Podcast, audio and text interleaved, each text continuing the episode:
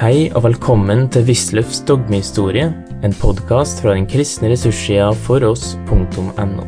Med gjennomgang av Den kristne kirkes dogmehistorie av tidligere professor ved Menighetsfakultetet, Carl Fredrik Wisløff.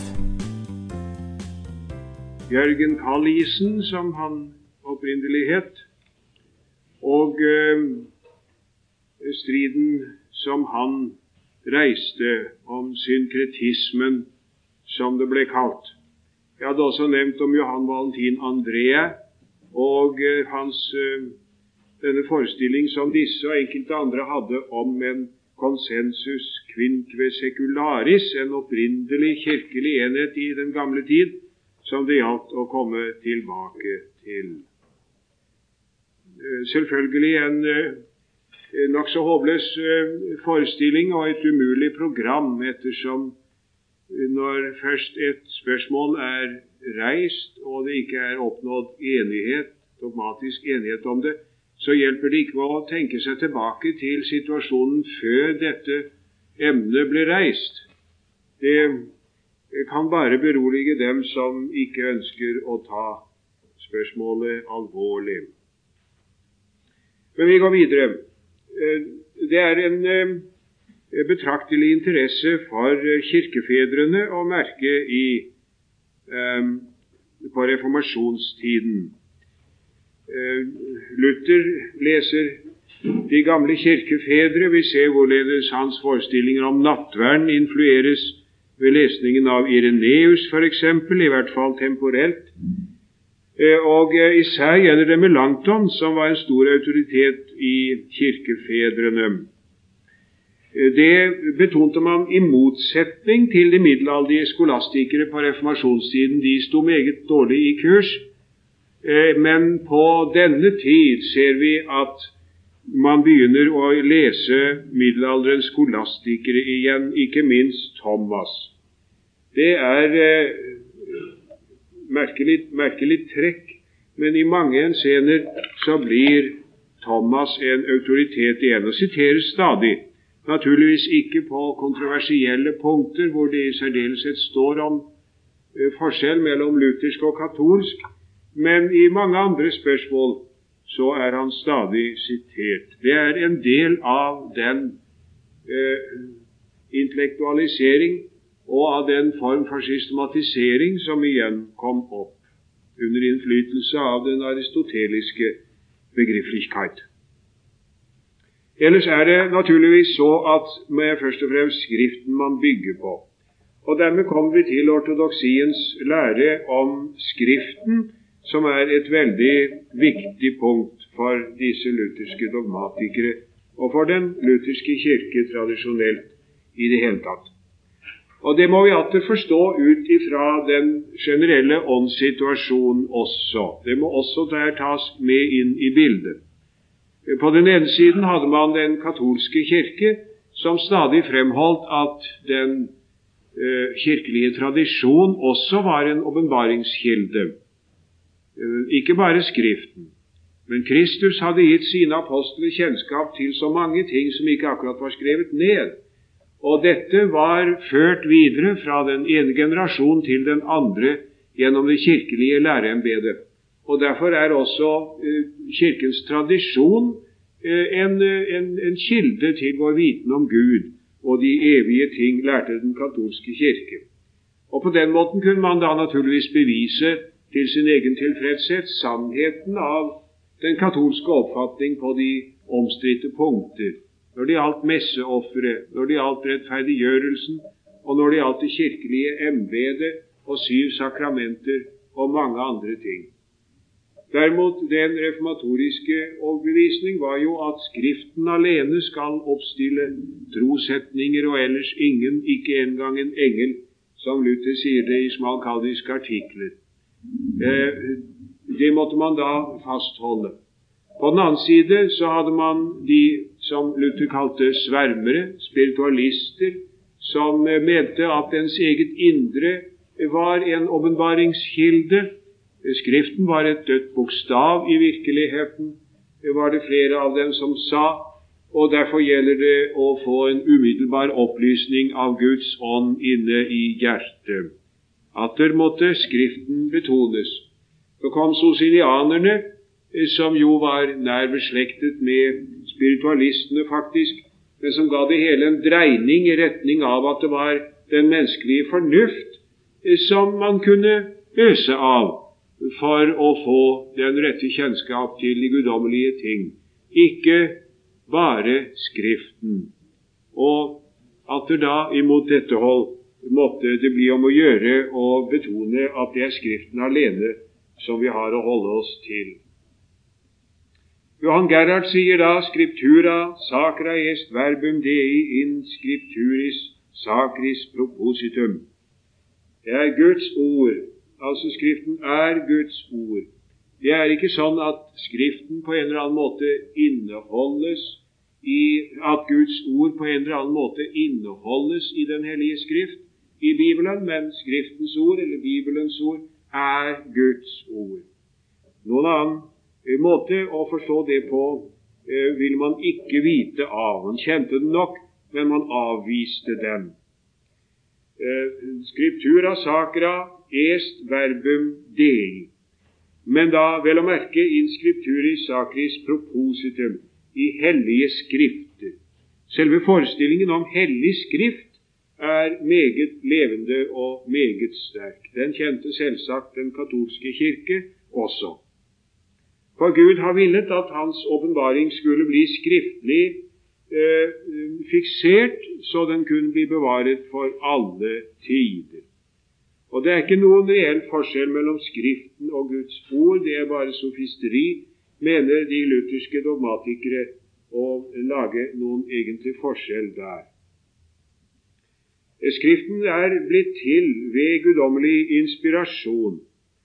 Eh, det er Gud selv som er dens causa principalis, og profeter og apostler er eh, causa instrumentalis, eller causa instrumentales.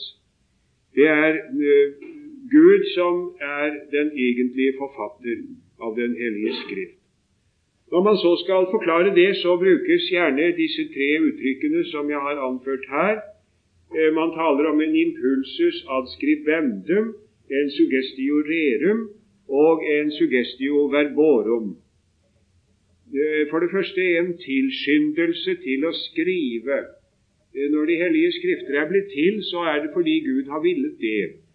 Det er ikke et uh, påfunn, eh, en tanke som menneske, disse menneskene har kommet på for sin egen del, men det var Gud som satte dem i gang med det. Og videre så er det Han som har gitt dem det de skulle skrive om, suggestiorerum, en inngivelse av Eller en, han har gitt dem det de skulle skrive om, og suggestio verborum. Han har endog gitt dem ordene som de skulle bruke. Og ut ifra det taler man da om verbal inspirasjon. Og Denne inspirasjonen den eh, strekker seg da over hele, eh, over hele Skriften, eh, hele, helets innhold. Man distingverer ikke i så måte men regner med uten videre at alt sammen som vi har i Skriften, er inspirert. Nå, eh, Her blir det jo stadig brukt veldig sterke ord om de ortodokse teologer, både reformerte og lutherske, eh, om at de hadde en sånn mekanisk inspirasjonsteori. Jeg, jeg, jeg, har brukt en del av mitt liv til å lete etter denne mekaniske inspirasjonsteori. Jeg har ikke vært i stand til å finne den. Det gjelder også Calvin. De steder hos Calvin man viser til, kjenner jeg godt, og har uh, studert inngående, tør jeg si. Uh, han har en meget sterk inspirasjonslære, men uh, denne teori om hvordan det har gått for seg, kan jeg i hele tatt ikke finne. Og Når det gjelder de ortodokse teologer, så er også den siste vitenskapelige undersøkelse som nå foreligger Det er lenge siden det kom, den forrige kom, eller de forrige kom, nemlig av eh, amerikaneren eh, Robert Price, The Post-Reformation Lutheranism, første bind, som handler om ganske ny bok. Det ventes et bind til som bl.a. handler om eh, disse menneskers lære om Skriften. Price har også en egen avhandling om dette emnet tidligere. The Post-Reformation Lutheranism. Det kommer en kort omtale av boken i Luthers kirketidene ganske snart. Eh, der, der, får man et helt annet bilde ut fra en ny, eh, selvstendig gjennomgåelse av tingene. La meg her bare få peke på noen ting. Eh, når f.eks. de bibelske forfattere kalles amanuenses dei, altså hans eh, skrivere, eh, så er det ikke meningen at de var uten vilje og bevissthet. Jeg har sitert her noe fra Kvenstedt. Non accesitrait contra voluntatem suam incii et inviti scripserunt, skal det stå, divini amanuenses bonte enim volente scientesque scripserunt. Ikke som om de skrev uten eller imot sin vilje, uten bevissthet, eh, de guddommelige eh, eh, skrivere.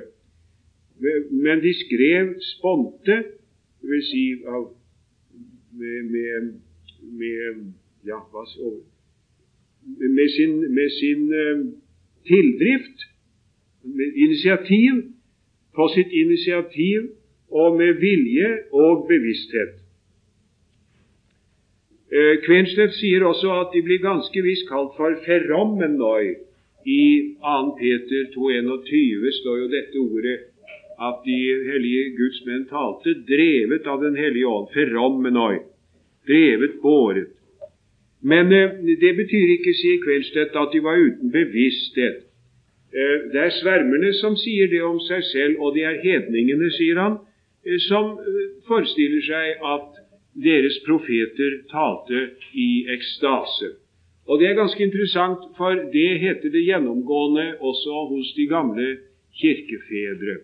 Jaroslav Pelikan i sin nye eh, store verk skal være fem bind, det er kommet ett foreløpig eh, dogmehistorie, eh, peker med rette på dette forhold at hos en rekke av kirkefedrene så peker man på at det er, det er hedningenes apostler som taler under en slik inspirasjon at de er uten egen bevissthet. Det er litt av et kjennetegn, eh, sier f.eks. Clemens Alexandria, et kjennetegn på de bibelske profeter at de var ikke uten egen bevissthet. De var klar over hva de skulle skrive.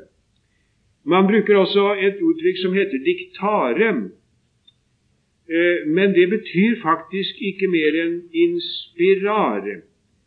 Det har eh, den kjente kardinal Bea, Augustin kardinal Bea, påvist i en, et verk eh, som kom i 1954 for kirkefedrenes del.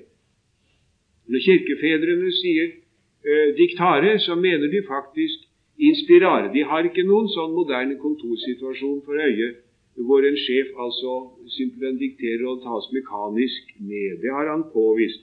Desto merkeligere er det da at den samme Bea eh, jamrer så veldig over de lutherske dogmatikere at de skal ha en sånn mekanisk forestilling om inspirasjonen, når det faktiske forhold er at de endog verbalt snakker på en måte som minner sterkt om de gamle fedre.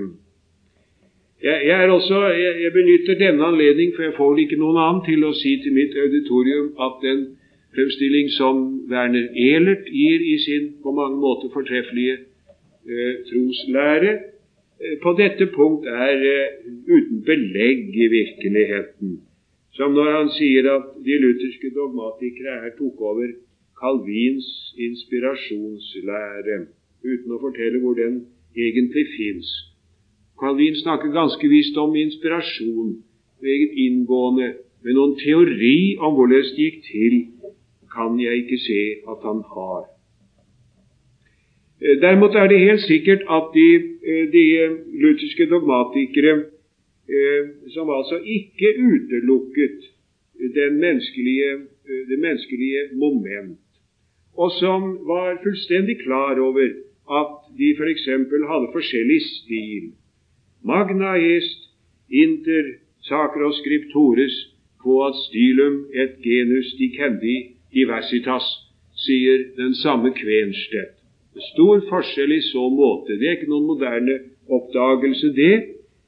Eh, de, de var allikevel helt bestemt på det punkt som heter Skriftens ufeilbarhet.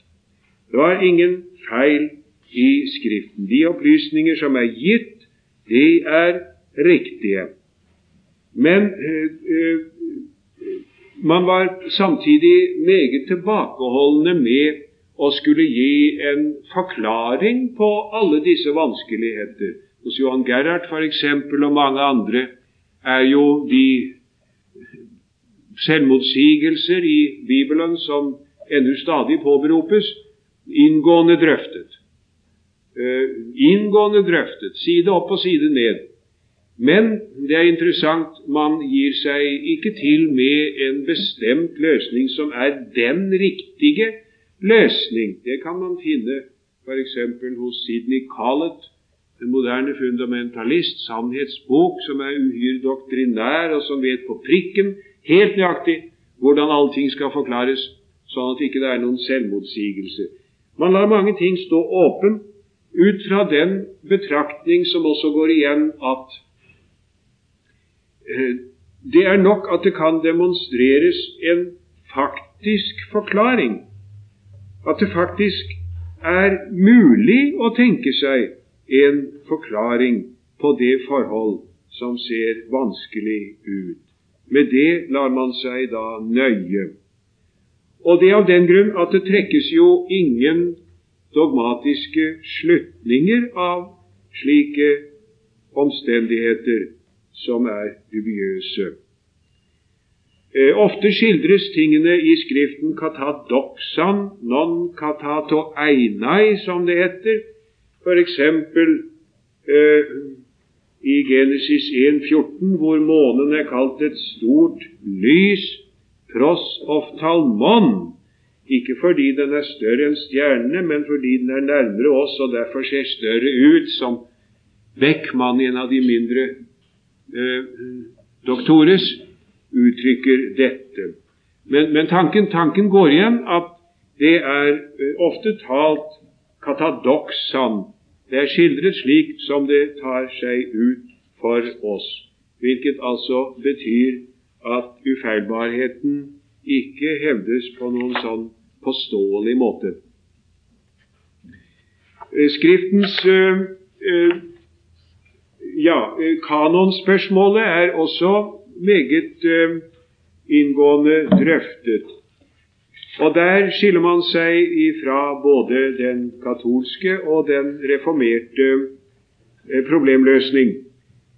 De reformerte holder seg simpelthen til den jødiske kanon. Den jødiske kanon.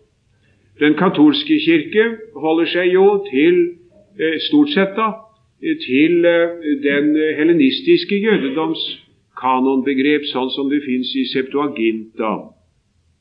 Eh, det, det, var altså Mot det reagerte de strenge jødiske rabbinere. De syntes det var blitt så helt at den helenistiske jødedom den var jo en stank i deres nese på mange måter.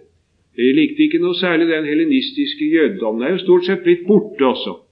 Eh, de, ortodokse jøder har i grunnen utslettet minnet så langt de har vært i stand til. Og, Septuaginta eh, var eh, ikke uten videre noen bok som man endosserte. Og kanskje er også, som nyere, ganske nye forskere på det området er inne på, Septuaginta i grunnen Targum, ikke meningen å være en direkte oversettelse, men en tolkende oversettelse. Men nok av det. Her var det så mange bøker, så de strenge jødiske rabbinere de skilte ut noen eh, som sekundære, mens eh, Kirken, kristne kirke, eh, faktisk fastholdt eh, den eh, utvidede kanon, kan man si med større eller mindre bevissthet om at her lå et problem. På reformasjonstiden så gikk de reformerte simpelthen til å ta den jødiske kanon, mens katolikkene beholdt det som hadde vært. Og den lutherske kirke eh, særlig markant standpunkt i saken. Hvor pass innviklet det er, ser man kanskje tydeligst hos Johan Gerhard, som for det første regner mellom, skjelner mellom kanoniske og eh, kanoniske eh, skrifter og apokryfe skrifter. Eh, det gjør også Luther, og Luthers uttrykk der at det er skrifter som ikke aktes like med de kanoniske, men likevel er gode og nyttige å lese, det er praktisk talt direkte Hieronymus' uttrykk som han bruker der. Eh, så man, man, har altså visst at det på en eller annen måte er noe der, men Kirken har ikke brydd seg så mye om det. Og i Vulgata har vi jo alle disse skriftene den dag i dag. Katolske bibel. De, de lutherske sa det er noen som er kanoniske, noen som er eh, apokryfe. Og I Det nye testamentet har, eh, har, man altså kanoniske av første og annen rang, sa Johan Gerhard. Det, det, var noen som eh, det ikke alltid hadde vært enighet om, det deuterokanoniske. Anno det tredje eh, altså 2. Peters brev, 2. og 3. Johannes brev, Judas brev, Hebrevbrevet og Johans ombaring som sekundære. Eh, og de, de, Luther-lutherske kirke har jo gjerne eh, tradisjonelt tatt med også de såkalte apokryfiske skrifter i gamle bibelutgaver. Og Det var en viss vanskelighet da den britiske og utenlandske bibelselskap begynte å hjelpe oss i vår nød og jammer her oppe. Fantes snart ikke en bibel i hele Norge som var til å lese.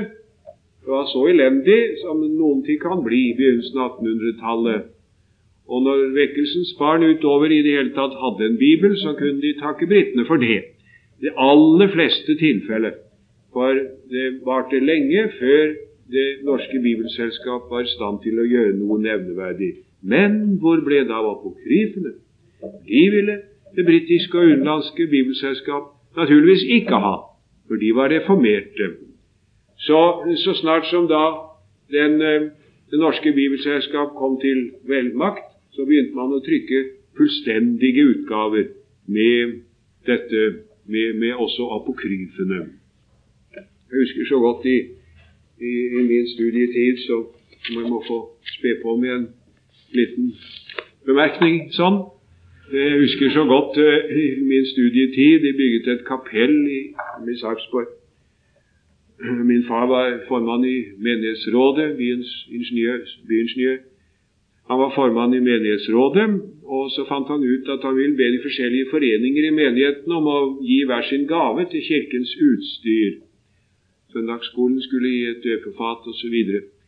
Og, og det som vi kaller for det gamle bedehuset, var eh, Ole Langelands folk. Gammellutherske, eh, botspietistiske, strenge og respektert av alle. Eh, de skulle gi en bibel som skulle ligge på alter.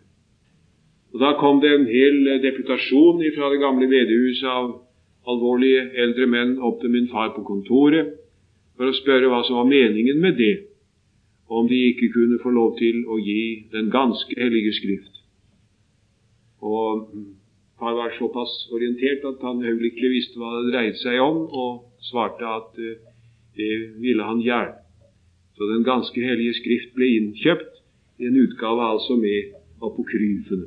Så en viss følelse av dette er det enda noen som har, faktisk oppover imot vår egen tid.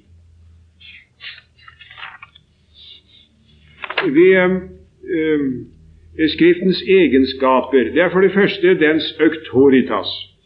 Og Det vil altså si at øh, vi tror at et skriftutsagn er troverdig fordi Bibelen sier det. Fordi Bibelen sier det. Altså, det, det, det, er ikke underkastet vår bedømmelse, men fordi det står i Bibelen, derfor er det sant. Det er det man jo kaller for en formal autoritet. En formal autoritet, til forskjell fra en material autoritet. En material der ligger altså ligger i innholdet i selve utsagnets sannhetsgehalt. Men en formal autoritet da ligger det i eh, den autoritet som så å si er bak utsagnet. Det er sant før vi har undersøkt det, altså. Det er meningen med det. Den, den, autoritet har Skriften, og derfor er den judex kontroversiarum. Den er dommer i alle stridsspørsmål.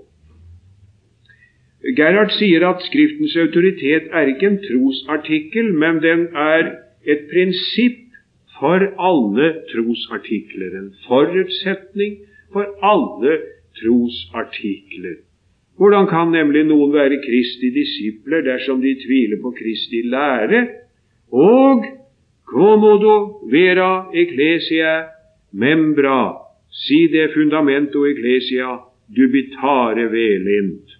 Hvordan kan noen være Kirkens sanne eh, lemmer dersom de tviler om Kirkens grunnvoll? Og Kirkens grunnvoll, det er Den hellige Skrift. Minner meg så om Augustin i en av de antidonatistiske skrifter, hvor en donatistisk biskop blir anført imot ham, og hvor han simpelthen svarer denne mann fører ikke frem noe argument ifra Skriften, så behøver vi ikke bry oss med ham særlig lenge.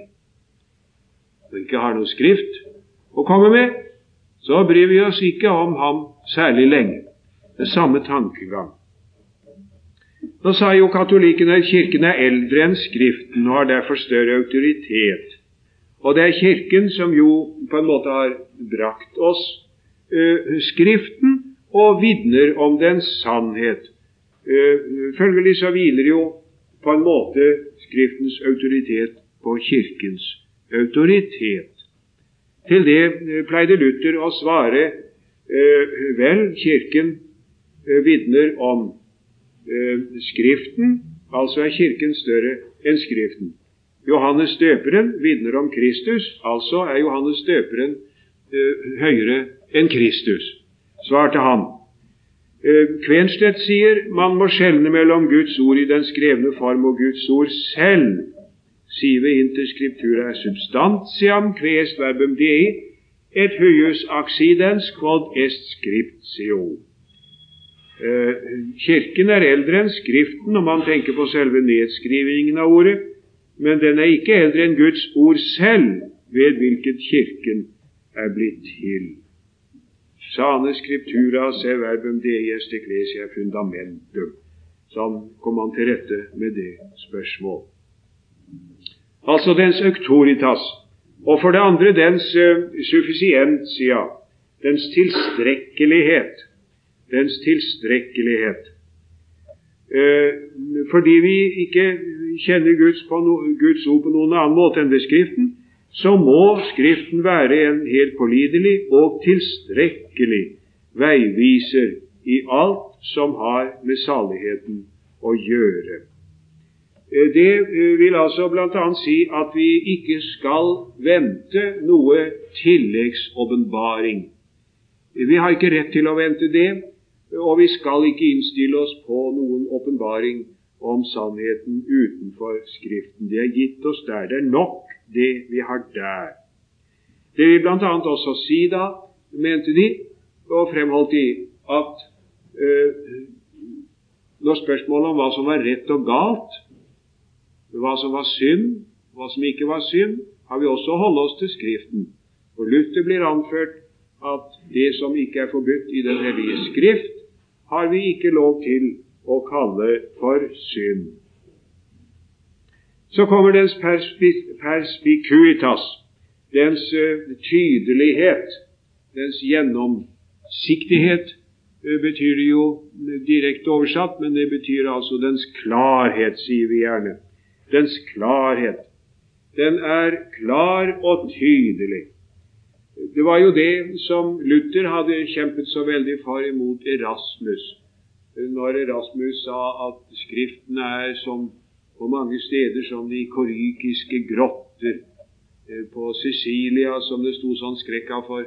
Hvis man kom inn der, så var det ikke sikkert man kom ut, for der var ikke råd å hitte seg ved alle de irrganger som var der inne. Nei, sier Luther, der er ikke noen korykiske grotter i Skriften. Det er fullstendig klart alt sammen. Eh, ikke som om det skulle eh, ikke være oversettelsesproblemer. Det var Luther jo klar over av egen erfaring, han som hadde oversatt hele Nytestamentet på det tidspunktet, og som brukte all sin ledige tid til å streve med å oversette det gamle, og som har gitt uttrykk for hvor vanskelig det var, og hvordan enkelte setninger kunne ta uendelig tid før man kunne bli klar over hvordan man skulle få sagt det på tysk. Nei, det er ikke det. Men den er klar på den måten at dens budskap er klart.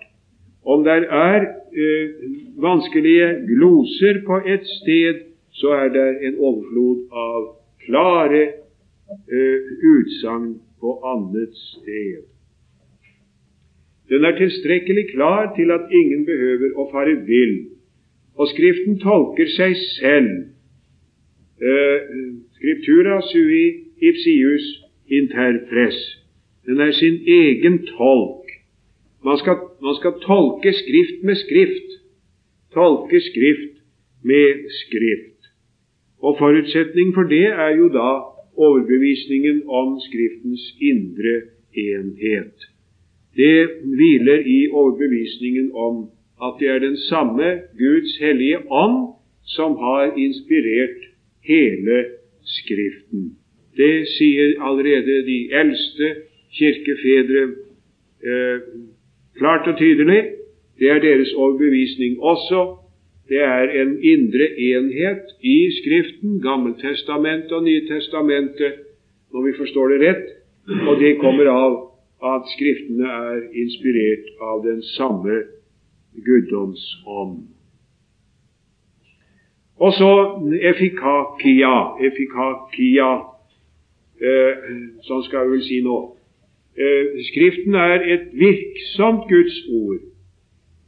Det var eh, Og det, det altså eh, Man mente at vi allerede, hvis man leser Guds ord, så kan det oppvekke og opplyse et menneske og føre det til frelse.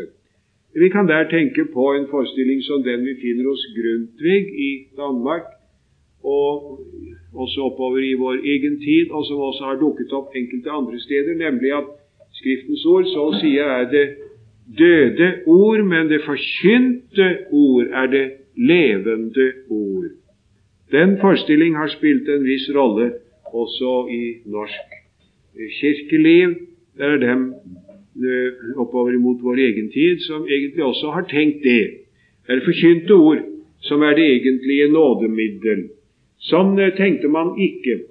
Man tenkte eh, man, man, var klar over at Skriften var Guds ord også om man leste dem. Så kunne det opplyse et menneske og dømme det og tukte det og tenne troen ved at det fikk lese evangeliet. Eh, så var det en prest som heter Ratmann, som eh, kom med den lære at Skriften i seg selv er ikke eh, effikaks, er ikke virksom. Det er bare når Guds ånd kommer til, at Skriften er virksom. Den striden kunne se noe abstrus ut, kanskje. Noe teoretisk strid, kanskje, på en måte.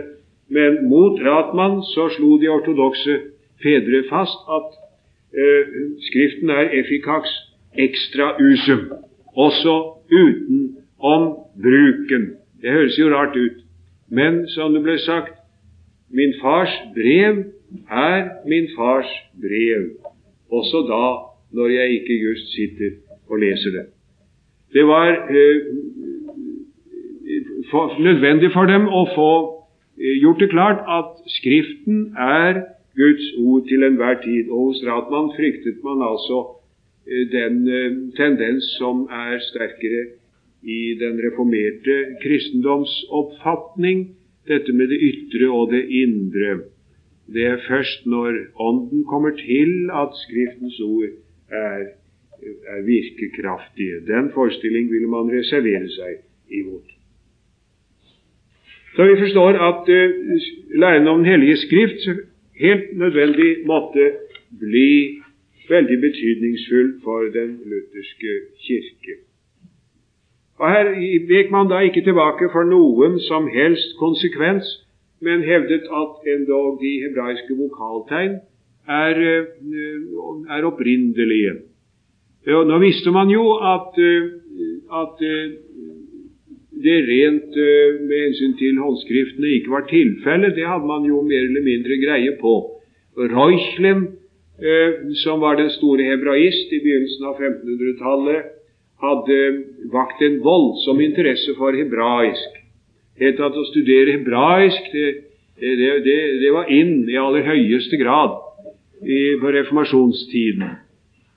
Den som ikke kunne være med der, han eh, telte ikke.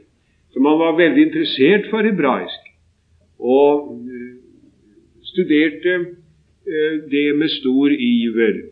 Denne boken som eh, berømte boken til Reuchlin. Eh, kom til å tenke på det. Jeg har, jeg har eh, prøvd å, å, å, studere den lite grann eh, mens jeg holdt på å gruble på messen. Det er sånn en rar forklaring som de hadde på at missa kom av det hebraiske misbeach, som betyr jo offer. Jeg ville se hvorledes han forklarte det i sitt store verk. Eh, det var ikke egentlig noen særlig forklaring, men jeg ble redselsslagen ved å se hvor vanskelig grammatikken var lagt opp. Det var ikke til å bli klok på på kort tid, så jeg sendte boken tilbake. Men det er i hvert fall tydelig at hebraisk leste man, og man var klar over så noenlunde at eh, det var ikke Håndskriftene var ikke, har en tid lang ikke hatt vokaltegn. Men man mente at de vokaltegnene som er, er riktige, for det har vært lest sånn. Det har vært lest sånn. Og gikk til veis ende altså her i å forsikre at eh, det er ikke noen feil i Den hellige skrift. Man visste også at det fantes eh, forskjellige lesemåter.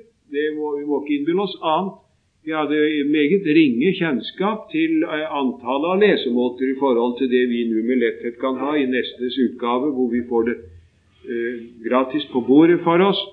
Eh, det, så mye visste man ikke den gang, men at det var varianter, det visste man jo allikevel. Og eh, det var nettopp det som gav eh, liksom alvor til spørsmålet om den riktige lesemåte. Det var på vissheten om at det fins en opprinnelig lesemåte. Sånn tenkte man. Nattverdlæren den uh, er jo naturligvis anlagt på å forklare det som er lutherdommens uh, hovedanliggende her, nemlig uh, Jesu Kristi legemes og blods reale presens. Presentia realis. at vi tar imot Jesu legeme og blod med munnen, man kan oralis, og at også de vantro og uverdige gjør det, man kan si indignorum. Også de får Jesu legeme og blod når de tar imot nattverdensbrød og vin. Det var deres hovedinteresse. Og her kjempet man da især mot Calvin og den reformerte eh, avsvekkelse eller fornektelse av realpresensen. Og Der er det merkelig å se i, hos de lutherske fedre utover. Man kan se det hos Gerhard, og man kan se det ja, alle steder hvor jeg har lett etter det. Jeg lette faktisk en tid lang. Eh, det står nesten ingenting imot Rom om det som var Luthers første store anliggende, nemlig messeofferet. Det er så bitte lite som står om det. For det har man ikke følt nødvendig. Det var liksom borte ifra de evangeliske menigheters bevissthet, sier Kattenbusch, at det fantes noe sånt. Men derimot det kalvinske fornektelse av realpresensen, det var nærværende. Det hadde den kryptokalvinistiske strid vist. Og Derfor var det nødvendig frem for alt å understreke eh, realpresensen imot imot det reformerte. Og en, en, må nok kanskje si det at man der var noe ensidig i å betone det, i det minste i måten som det ble gjort på. Luther har en styrke i å understreke at gaven vi får, skal fattes i ordet som et evangelium. At det store er at han er der for oss, ikke bare at han er der, men at han er der for oss. Vi skal ikke ensidig gruble over måten han er der på, men takknemlig konsentrere oss om at han er der for oss.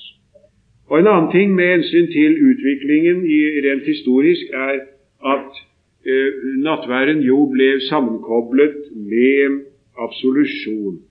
Obligatorisk skriftemål med absolusjon. Det har jeg vært inne på før.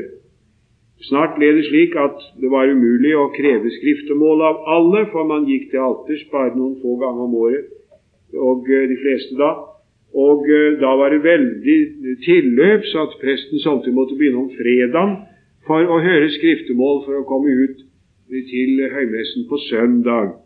Og det ble for mye, og så tok man dem gruppevis inn i sakristiet eller i kirken og leste en bønn på alles vegne, synsbekjennelse generelt formet, og så tilsa presten hver enkelt syndenes forlatelse med håndspåleggelse etterpå.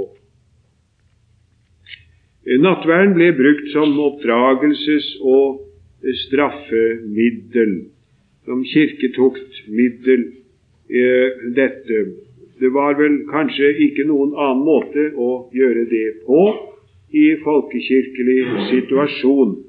Og sikkert er det i hvert fall at den lutherske kirke der har gjort ikke så lite av et mesterstykke i å oppdra eh, de folkene, sine folk, norske f.eks., til en, eh, en kirkelig, kristelig holdning gjennom lange tider. Det tør man trygt si. Prestens posisjon ble veldig sterkt markert igjen ved, eh, ved, ved, nøklene, som det heter. Eh, nøklene, det betyr jo altså absolusjonen.